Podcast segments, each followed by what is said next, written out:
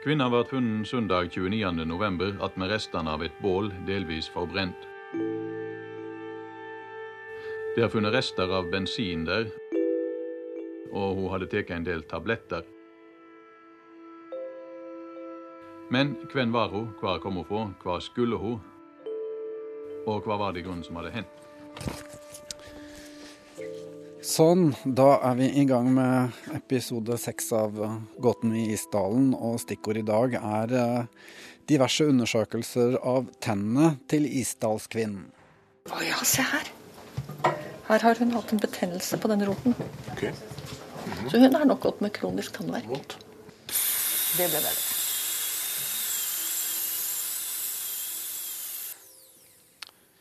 Vi skal først snakke om at det har kommet inn en del eh, tips. Ja, vi har fått inn eh, over 100 tips til nå. Veldig mange hver gang vi publiserer nye saker. Eh, og det som er morsomt, er at veldig mange av tipsene også kommer fra folk som ikke leser norsk, altså fra utlendinger. Så den saken her er tydeligvis ganske stor, i hvert fall i enkelte miljøer utenfor Norge. da. Står det, å si, det morsomme er at folk faktisk sitter med Google Translate og oversette. Det må jo være ganske slitsomt, tenker jeg, med disse lange sakene.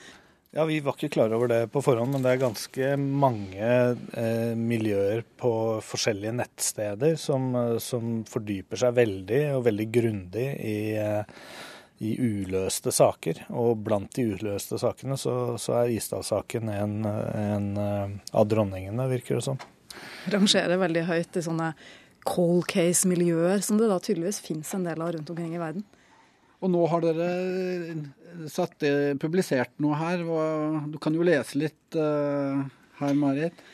Das Rätsel von Isdalen. Eine Frau liegt tot und völlig verbrannt auf einer Grillhalde am Stadtrand von Bergen. Det er da starten på, på det vi kaller hovedsaken vår, som altså Gåten i Isdalen. En, sak, en langlesningssak som forteller om saken. Den har vi fått oversatt til tysk, som du hørte her, og engelsk. Etter, etter forespørsler, egentlig. Mm. Så da kan det bli enda lettere for uh, krimnerdene der ute å, å, få med seg detaljene i hva som er på gang her i Norge? Ja, vi, vi har egentlig to motiver for det. Det ene, det ene, er det du nevner der, å få uh, krimnerdene og andre interesserte utlendinger til å lese om saken. Og det andre er jo at Eh, at hun eh, var åpenbart tysktalende. Så, så, kanskje Tyskland kan være et godt sted å starte når man skal finne ut hvor hun kom fra. Ligge ute på Twitter og Facebook og Do you know this woman? Ja. Fantomtegningen dere har lagt ut. Da håper jeg også her at uh, noen skal kunne kjenne igjen et eller annet, eller noe som mamma eller pappa har fortalt, eller bestemor for den del, om kanskje et familiemedlem som ble borte en eller annen gang i 1970.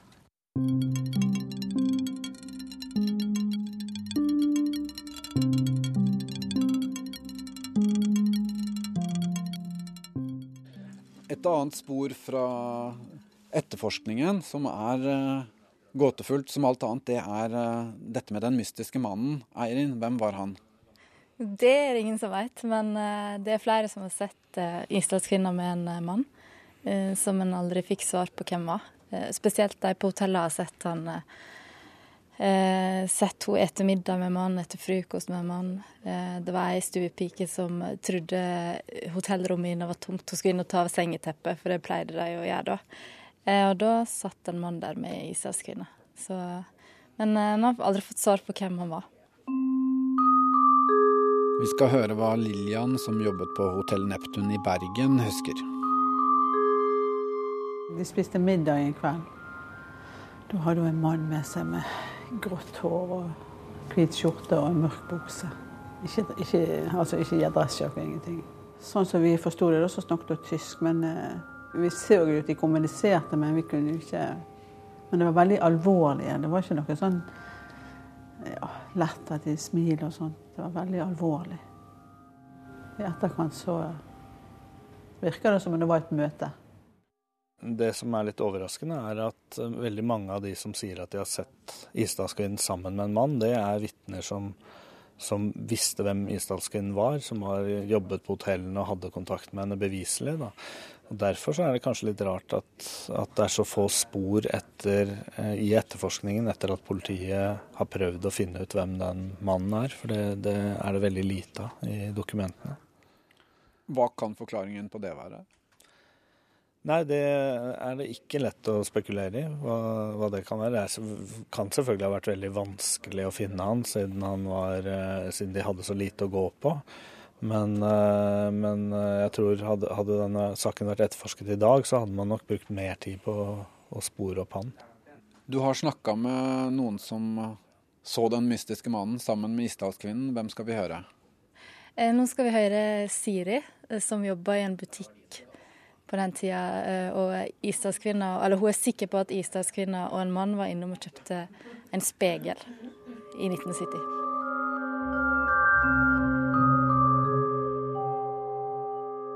Nei, det startet vel med at de kom inn i butikken for å handle. Ja, for å kjøpe et speil. Hva slags inntrykk fikk du av dem når de kom inn? Altså, det var vel først når de begynte å fortelle hva de skulle ha, at eh, de så helt skal jeg si, det så greie ut. Så vidt. De var mørke. De var jo østeuropeisk eller noe sånt i den. De snakket ikke engelsk, ikke italiensk, ikke fransk, sant? Eh, ikke tysk. Så de må, de må jo ha vært fra et annet sted. Er dette et spor uh dere tenker er eh, helt kaldt? Ja, det er, det er, vanskelig å se hvordan vi skal klare å finne ut av det i dag. Men uh, det kommer jo litt an på. Vi kan jo håpe at noen tipser oss, f.eks. Hvis de var kjærester, så var det et dårlig forhold. Nei, jeg tror de bare Jeg vet ikke. De, de, de, diskuterte, og de var litt sånn alvorlige og litt sinte på en måte. Litt sånn Ja sinte på hverandre? på meg. Ja, så de var ikke noe, det var ikke noe smil. De var ikke noe sånn vennlige, egentlig. Nei. Ja. Husker du noe annet om han? Nei. Egentlig ikke. Det er vanskelig å huske så langt tilbake. Det var mørkt. De var mørkkledd begge to. De var mørkkledd, og de var mørke. Ja, rett og slett.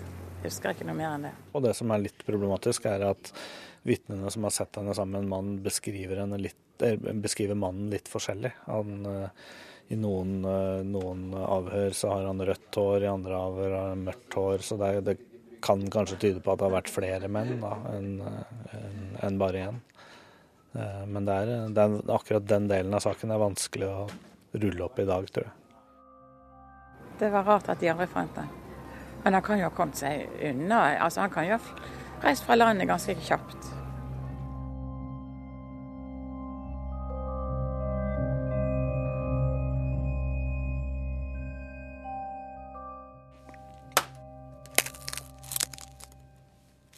Hva skjedde?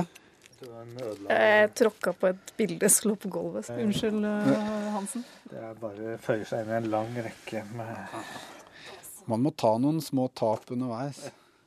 Nå skal vi konsentrere oss litt om disse tennene som jo ble funnet uh, borti i Bergen. Og det er jo en lang rekke undersøkelser som kan gjøres. Og en av de mest åpenbare tinga er jo at man ser på de arbeidene som har vært gjort Eh, hvor er det vi skal hen eh, i denne smakebiten?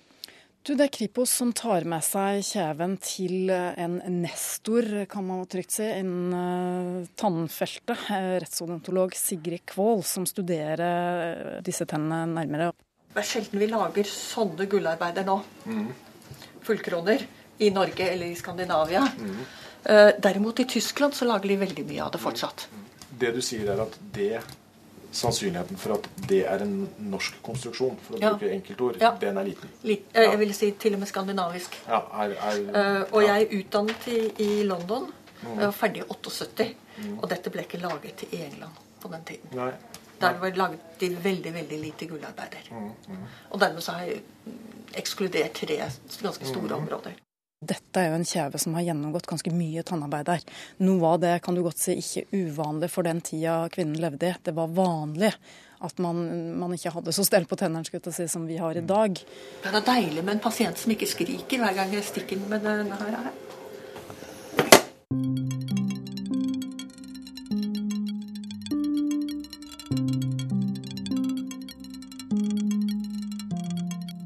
Det ligger en liten fylling der. Da den var liten? Ja, ja, ja. Men du vet, jeg snakket litt om at i Øst-Europa så hadde de sånne silikatfyller også på tyggeflaten. Dette her har jeg sett fra Russland.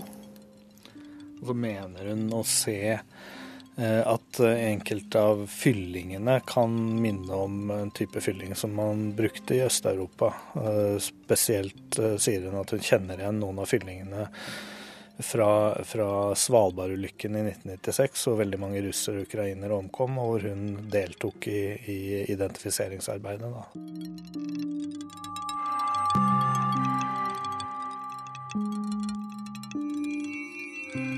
Og da kan vi begynne på det der å dele det.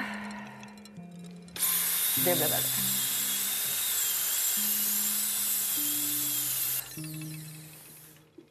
Vi har jo hørt at dere har funnet DNA i vevsmateriale. Hva er poenget med å finne DNA igjen i tennene? Håpet er å få en mer fullstendig DNA-profil, altså både kvalitativt og kvantitativt.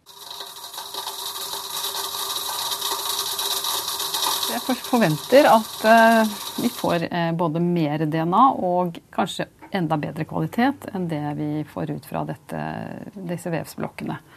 Eh, og det gjør jo at vi kan eh, ikke bare få laget en eh, ordinær profil, men vi kan også se om det er mulig å gå videre og gjøre analyser av mitokondrie, haplogrupper eller, eller andre ting som eventuelt kan si noe om biogeografisk opprinnelse. Nå er det igangsatt ulike forundersøkelser og undersøkelser. Eh, og alt går egentlig Det, det er flere hver etter rom. Eh, alt dreier seg egentlig om det samme. Det, ingen av de vil jo gi svar på hvem hun var. Eksakt hvilken person og hvilket navn. Men det går ut på å prøve å avgrense hvor hun kom fra.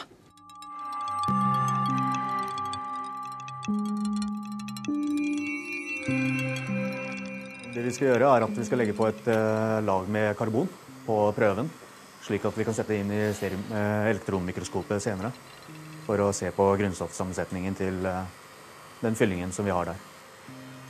Jeg ser. Å, kult. Stilig. Det der ser ikke, det ser ikke vi. Ja, ja. Det var tøft. Det var tøft.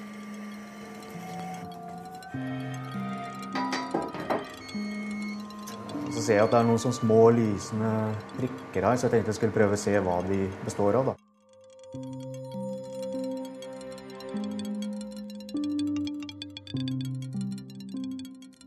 Har, de avgjorde hvilke, altså sammensetninga av den ene fyllinga. Eh, men foreløpig har de ikke fått noe helt klar referanse eller fasit på hvor, hva betyr det.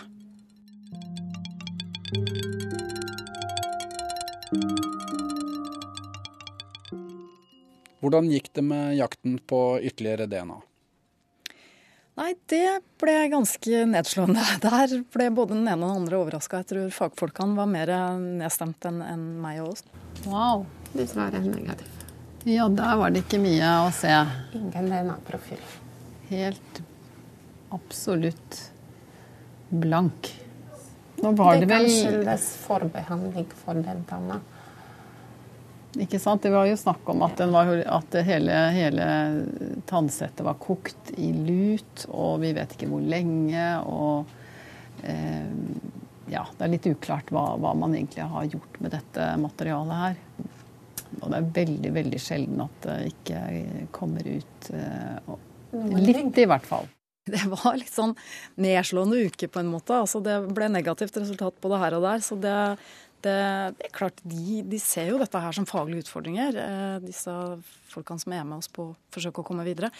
Og de, de var skuffa, ja, over at det, eh, det, var negativt i denne omgang. Men jeg tror at det bare har tent ytterligere motivasjon. Fordi at eh, det er rykte bak til start, men alle gyver løs igjen på nye undersøkelser og nye forsøk. Det er jo lett å gå litt i surr i alle disse undersøkelsene. Men nå kan jeg teste om jeg har forstått det riktig. At med den DNA-en dere har funnet, så kan man sammenligne med ulike registre som politi kan ha rundt omkring i verden. Med en enda bedre DNA så kan man eh, gjøre en analyse for å se hvilken folkegruppe hun kan eh, tilhøre. Og man kan sende DNA ut til Eh, databaser som slektsgranskere bruker, hvor mange har lagt inn sin egen DNA-profil. Så det er, det er, tre tre måter å finne noe mer treff på. Det, har jeg skjønt det da? Ja, jeg tror det. Jeg tror... det høres ut som en god, eh, god uh, oppsummering. Det ja. kan jo hende vi har misforstått, selvfølgelig. Men. Nei da, jeg tror vel det er de tre mulighetene som vi ser for oss, som vi kjenner til, da, i hvert fall i første omgang. Du møtte Mari Tigraf, Eirin Årdal og Ståle Hansen. Følg Gåten i Isdalen på nrk.no. Og jeg heter Kjetil Saugestad.